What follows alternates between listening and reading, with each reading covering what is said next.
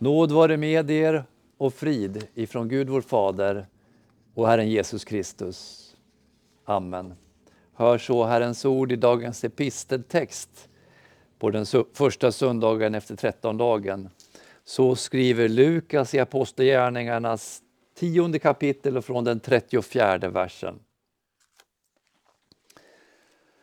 Då började Petrus tala. Nu förstår jag verkligen att Gud, att Gud inte gör skillnad på människor utan tar emot den som fruktar honom och gör det som är rätt. Vilket folk han än tillhör. Detta är det ord som Gud sände till Israels folk när han förkunnade frid genom Jesus Kristus, han som är allas Herre. Ni känner till den förkunnelse som gick ut över hela Judeen med början i Galileen och som följde på det dop som Johannes förkunnade hur Gud smorde Jesus från Nasaret med den helige Andes kraft, han som gick omkring och gjorde gott och botade alla som var i djävulens våld. Ty Gud var med honom. Amen. Herre, helg oss i sanningen. Ditt ord är sanning. Amen.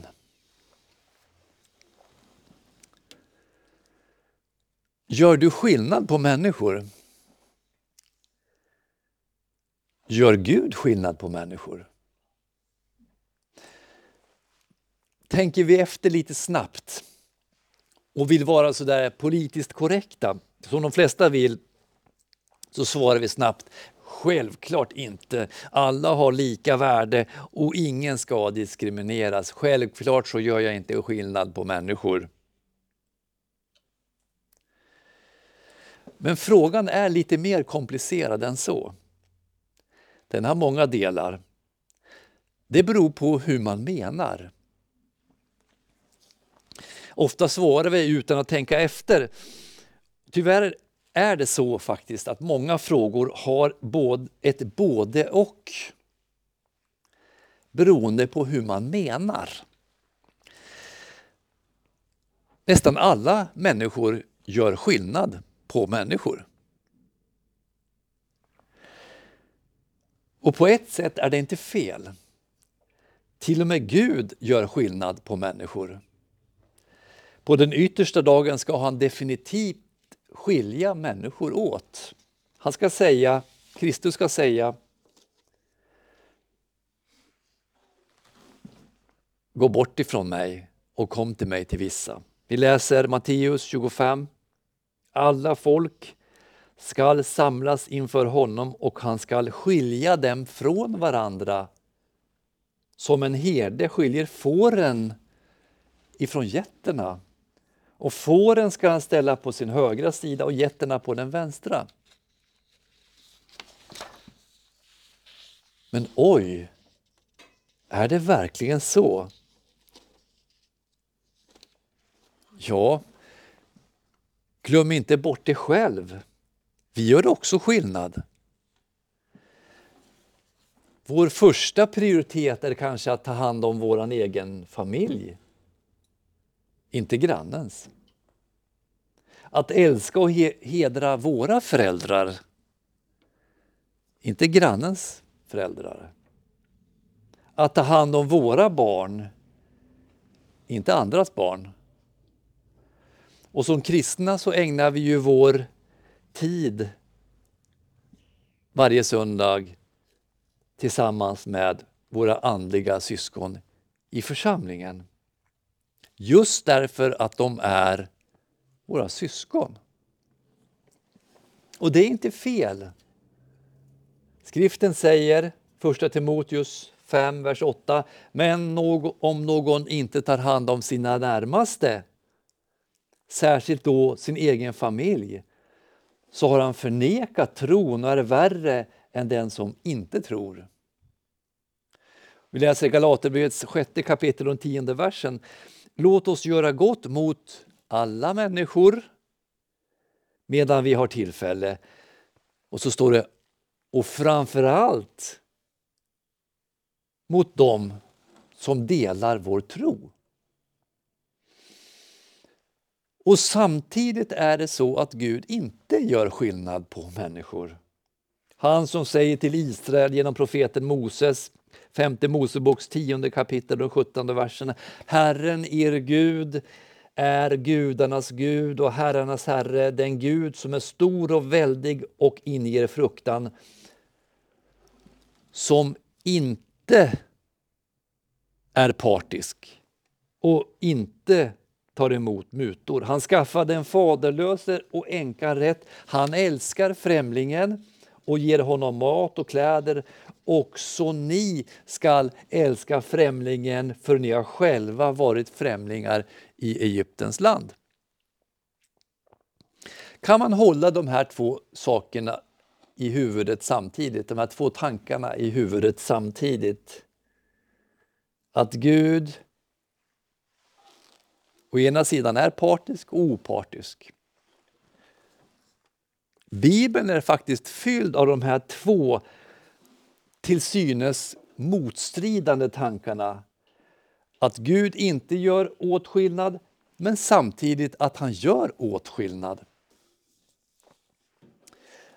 I den första världen, med Adam, Eva och Gud, så fanns en enhet. En harmoni, en gemenskap sinsemellan. Men en skillnad görs när de första människorna på grund av Adams olydnad drivs ut ur, skiljs ifrån Edens paradis.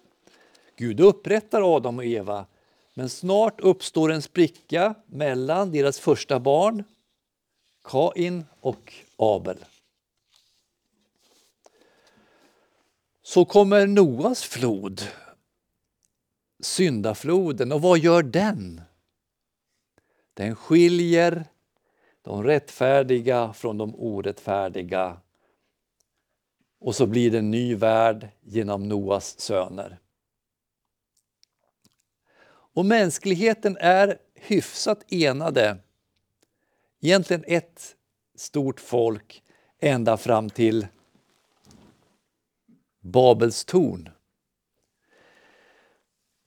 Då delas mänskligheten upp i mängder av folk med olika språk. Och så går tiden. Det finns mängder av folk, stammar. Och så ungefär 1900 år före Kristus så väljer Gud ut en enda människa, Abraham, och senare Isak och Jakob för att genom deras efterkommande skapa ett åtskilt folk med en tilldelad plats på jorden, Kanans land. De skulle vara åtskilda, de skulle vara separerade, ja så separerade att de helst inte skulle leva i närheten av andra folk. Gud skapade till och med en rituallag som gjorde dem unika. Manskön skulle märkas på kroppen med omskärelse för att man skulle kunna se skillnad på dem och andra folk. De fick inte äta vilken mat som helst. De skulle skilja mellan rena och orena djur. De kunde inte ens bära vilka kläder som helst. Och de fick inte klippa skägget hur som helst. Det var många saker som kringgärdade Israels folk och de var tvingade att hålla sabbaten. Och om någon inte höll sabbaten så kunde han till och med bli stenad. Gud gav alla dessa regler för att skilja dem, Israels folk, ifrån alla andra folk för att de inte skulle beblanda sig med andra folk. Och så får de så småningom en gemensam kung, Saul och David och Salomo. Men snart så delas också detta folk upp i två delar genom Salomos söner Rehabeam och Jerobeam den förste och vi får ett delat Guds folk, Nordisrael och Juda. Men Nordisrael blev ju på grund av sin otrohet mot Gud mer eller mindre upplöst i förskingringen i Assyrien 722 f.Kr. Och juda folk hamnar också i onåd. Landet och templet förstörs och, så, och de hamnar i fångenskap i Babylon men får så småningom komma tillbaks till landet och templet byggs upp igen. Detta var Guds utvalda folk i motsats till alla andra folk när Kristus kommer in i bilden. Och det var ur detta folk han valde ut sina apostlar, sina ombud. Juda folk var unikt genom lagen, genom omskärelsen och genom templet. Visar detta att Gud är partisk? partisk? Att Gud har anseende till personen? Att Gud inte har omtanke om andra folk, att han väljer ut ett enda folk. Vid en första anblick kan vi tycka det. Men låt oss nu gå tillbaka till historien om Guds utvalda folk för att se om det verkligen var så. Hade Gud skilt sig från Adam och Eva slutgiltigt när han förvisade dem ur Eden? Nej. Han lovade att hela den här sprickan som hade skett mellan Gud och människa genom kvinnans avkomma, genom Messias, genom Kristus. Ormens huvud, står det, skulle söndertrampas genom kvinnans avkomma när tiden var inne. Kain. Gud hade inte glömt bort Kain. Minns vi inte hur det var ju Kain som Gud sökte upp för att varna honom för synden?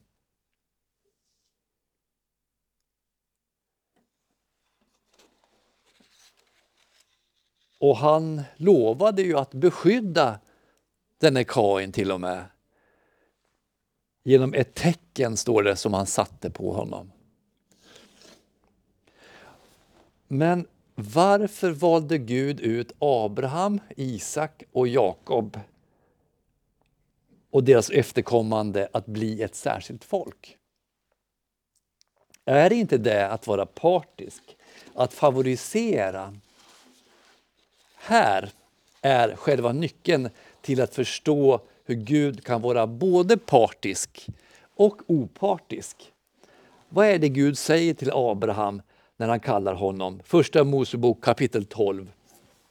Herren sa till Abraham, han hette så från början. Gå ut ur ditt land och från din släkt och din fars hus och bege dig till det land som jag ska visa dig. Där ska jag göra dig till ett stort folk, jag ska välsigna dig och göra ditt namn stort och du skall bli en välsignelse. Jag ska välsigna dem som välsignar dig och förbanna den som förbannar dig.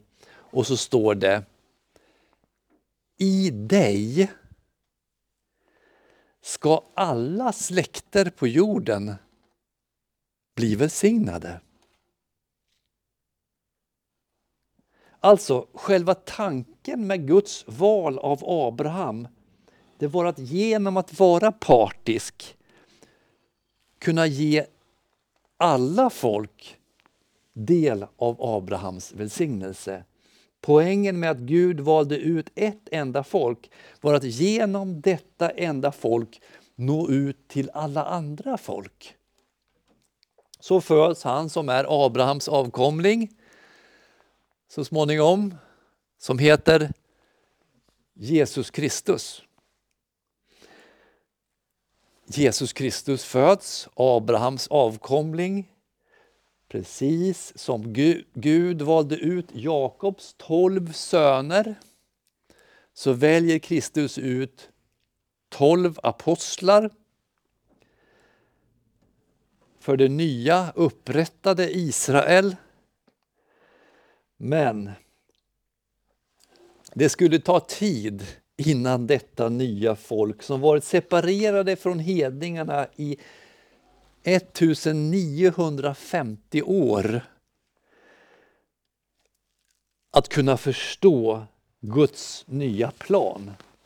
För det var så mycket som skilde dem från omvärlden. Ni minns templet, maten, omskärelsen, sabbaten.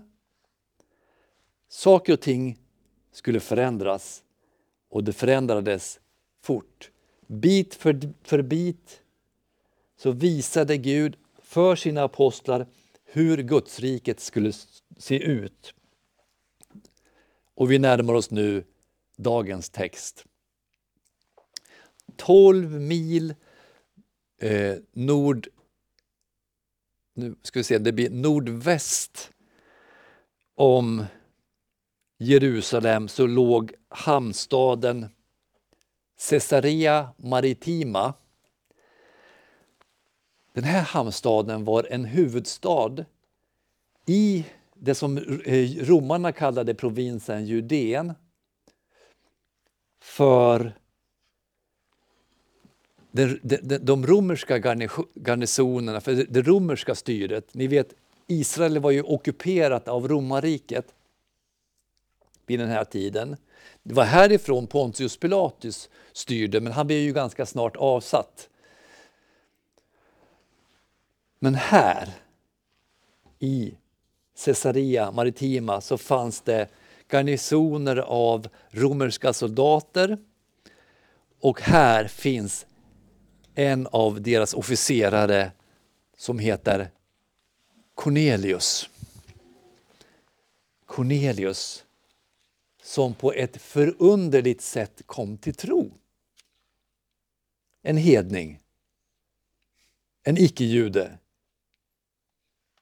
Och av en händelse befinner sig Petrus sex mil söder om Caesarea i en stad som hette Joppe och som numera kallas för Jaffa.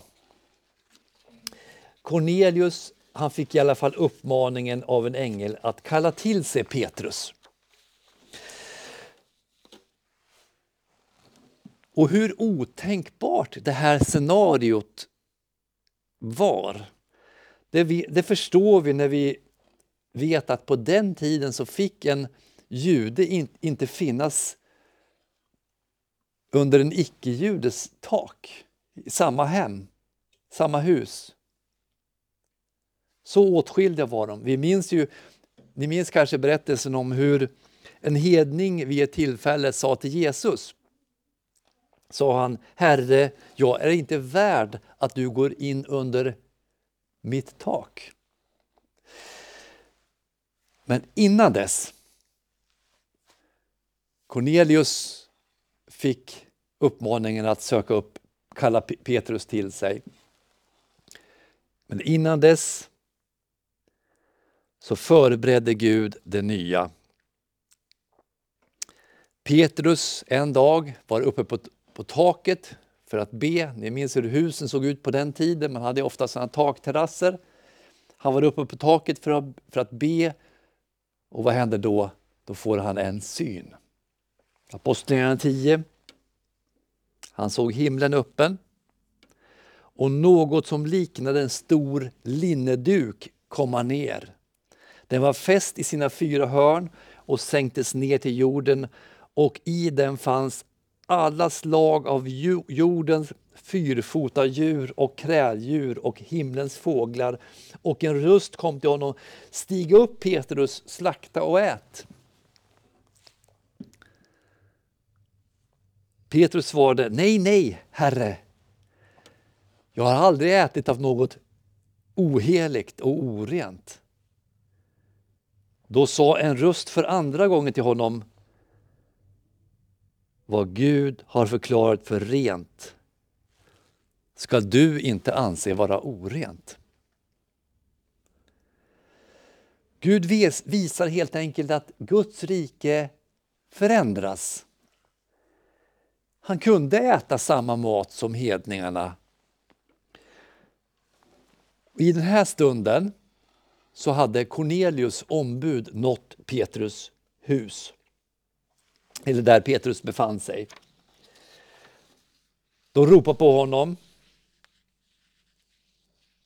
Och Petrus gick ner till männen och sa Jag är den ni söker, varför har ni kommit hit?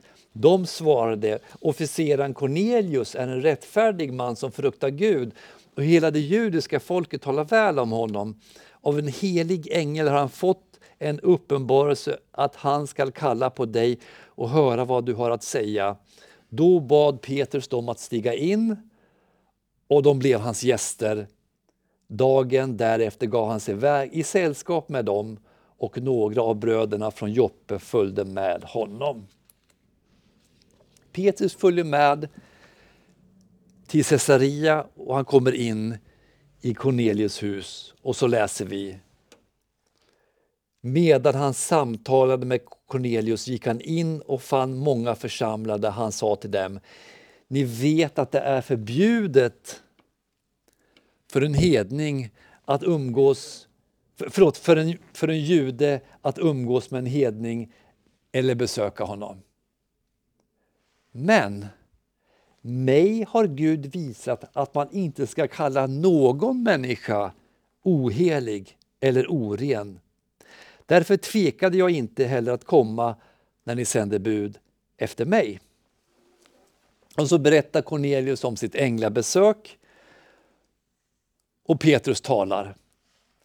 Nu förstår jag verkligen att Gud inte gör skillnad på människor utan tar emot den som fruktar honom och gör det som är rätt, vilket folk han än tillhör. Nu faller murarna.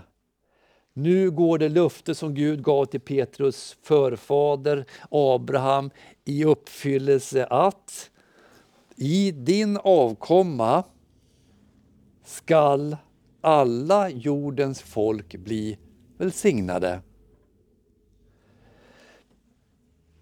Men varför hade Gud inte agerat så 2000 år tidigare ungefär under Abrahams tid? Därför att om Guds folk hade beblandats med de omgivande hedna folken, då hade Guds ord som, bevar, som bevarats genom profeterna i Israel upplösts av vad då? Av hednisk religion. Ni vet ju att det var ju det som hände i, i hela Israels historia. Så snart Israel beblandade sig med de omkringgivande folken så avföll de dem till avgudadyrkan. Och så kom straffet för synden. Och så kom upprättelsen. Gång på gång på gång på gång genom Israels historia. Därför måste de hålla sig avskilda. Och därför hade Gud skapat Israel och gett dem den här, de här gränserna och den här, de här, den här rituallagen. Gränserna för folket hade varit ett, ett skydd för att Guds ord skulle bevaras. Då kanske en annan fråga inställer sig. Behöver Guds rike idag inte ett skydd?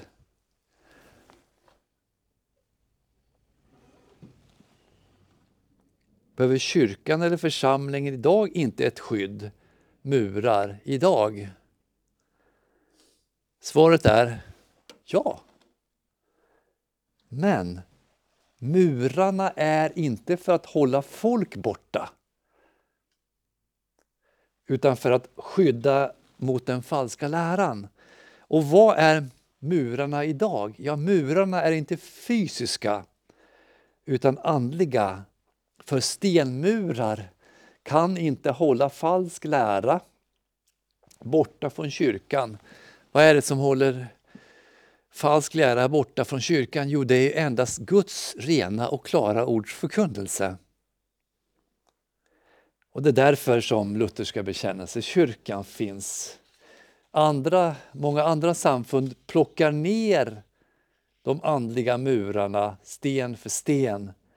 Så att idag i Svenska kyrkan så finns det ju nästan inga murar kvar ens.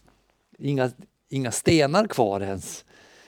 Utan de firar inte religiösa gudstjänster med andra religioner, ägnar sig åt hbtq och annan populistisk ideologi. Kyrkan har murar, andliga murar, men det är Guds ord som är muren.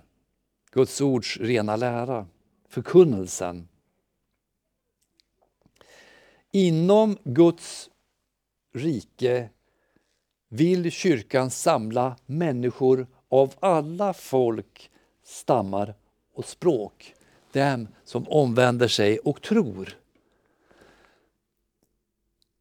Omvänder sig och tror. Tror vad då? Petrus svarar, vers 36 i 10, tionde kapitlet. Detta är det, Gud som sände till, det, det ord som Gud sände till Israels folk när han förkunnade frid genom Jesus Kristus, han som är allas Herre. Ni känner till den förkunnelse som gick ut över hela Judeen med början i Galileen och som följde på det dop som Johannes förkunnade. Hur Gud smorde Jesus från Nasaret med den helige Andes kraft, han som gick omkring och gjorde gott och botade alla som var i djävulens våld. Ty Gud var med honom. Poängen är att Jesus Kristus är till för alla. Han förkunnade frid och som Petrus säger, han är allas Herre. Att budskapet är till för alla illustrerade han genom att bota alla människor. Det vill säga alla sorts människor. För poängen här är, är ju här inte att Jesus botade varenda en. För det gjorde han inte. Eh, som botade varenda en, som Ulf Ekman påstår. Utan vi vet ju att i sin hemstad Nasaret så botade han ingen. Och när han kom till Betestadammen botade han alla där? Nej, han botade ju bara en person där. Eh, men poängen är att Jesus botade alla sorts människor. Alla som kom till honom. Alla som bad om hjälp.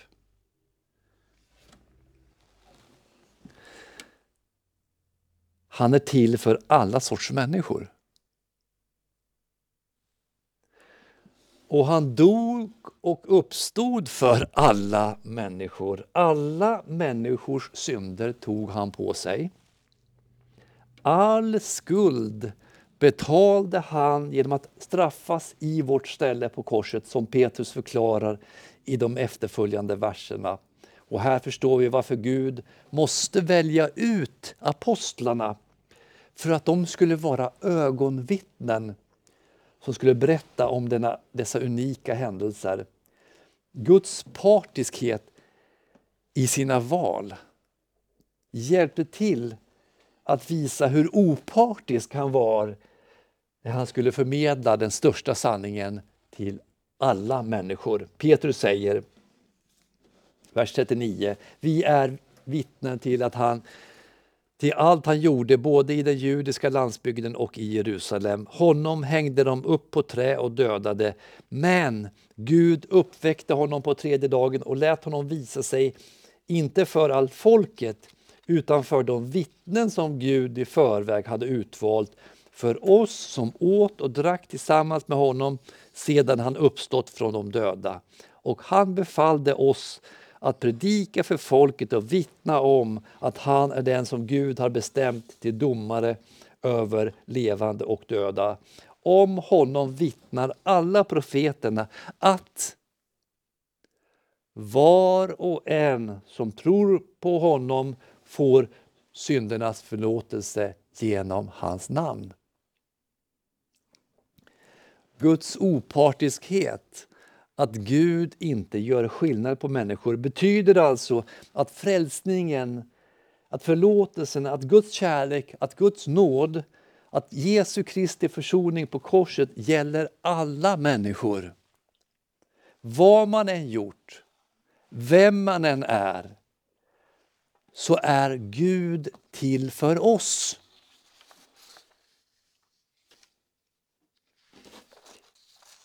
Ingen kan säga så här. Jesus är inte någonting för mig. För Gud älskar alla människor och alla människor vill han sluta i sin famn. Och han gör det genom att sända sin enfödde son till vår värld för att återlösa oss, för att friköpa oss genom Sonens död, genom Jesu Kristi död och genom att resa upp honom på den tredje dagen ur graven till världens rättfärdiggörelse. Men allt detta sker inte utan sammanhang. Det sammanhang Gud använde sig av var det folk som han valde ut, Abrahams, Isaks och Jakobs avkomlingar. Och ur detta folk kommer avkomlingen, avkomman, telningen, rotskottet, Jesus Kristus. Och från detta folk får vi Guds ord, uppenbarelsen, vi får Bibeln. Och från detta sammanhang, Guds utvalda folk, Guds uppenbarelse, Guds ord, så har Guds rike spritt sig ut över hela vår värld. Som Kristus säger till sina apostlar innan sin himmelsfärd. När den helige Ande kommer över er skall ni få kraft och bli, bli mina vittnen i Jerusalem och i hela Judeen och Samarien och ända till jordens yttersta gräns. Opartiskhet, att inte ha anseende till person betyder inte att man upplöser gränserna för den kristna församlingen som bevarar Guds ord rent och klart inom sin mitt. Tvärtom, enbart genom att vara exkluderande, att behålla församlingens andliga murar. Inte mot människor av olika sorter, utan mot falsk lära, lagiskhet, mot synd som man inte ångrar. Endast genom att behålla dessa andliga murar så kan kyrkan, Guds rike, Guds församling bli vad då? Jo, precis som för Abraham, bli en plattform för att nå ut och bli en välsignelse för alla folk. Sträcka sig ut till människor av alla sorter. Det låter som en paradox. Men genom att vara exklus exklusiva eller exkluderande så kan vi bli inkluderande. Vi vill nå ateister, agnostiker, judar, muslimer, hinduer. Inte för att bekräfta dem i deras sammanhang. Det är okej okay, som du har det. Utan för att, som Petrus säger, förkunna, tala om för dem, citat, det som vi läste, var och en som tror på honom, det vill säga Jesus Kristus, får syndernas förlåtelse genom hans namn. Genom Jesu Kristi namn. Exempel. I staden Efesus där hade många hedningar infogats i församlingen genom aposteln Paulus förkunnelse, infogats i Guds rike. Samma ord som aposteln ger dessa hedningar i Efesierbrevets andra kapitel och den sjuttonde versen. Samma ord kan sägas till hedningar idag, till oss idag. Oss som inte är födda in i det utvalda gudsfolket. Samma ord kan sägas till oss. Kom ihåg, skriver aposteln, hur det var tidigare. Ni var hedningar och kallades oomskurna av dem som kallar sig omskurna med den omskärelse som utförs med, på kroppen med människohand. Ni var på den tiden utan Kristus, utstängda från medborgarskapet i Israel och hade ingen del i förbunden med deras löfte. Ni levde utan hopp och utan Gud i världen. Men nu har ni som är i Kristus Jesus och som en gång var långt borta kommit nära genom genom Kristi blod. Han har kommit och predikat frid för er som var långt borta och frid för dem som var nära. Alltså är ni inte längre gäster och främlingar, utan vad är ni? Ni är medborgare tillsammans med de heliga och tillhör Guds familj. Ni är uppbyggda på apostlarnas och profeternas grund där hörnstenen är Kristus Jesus själv. Amen.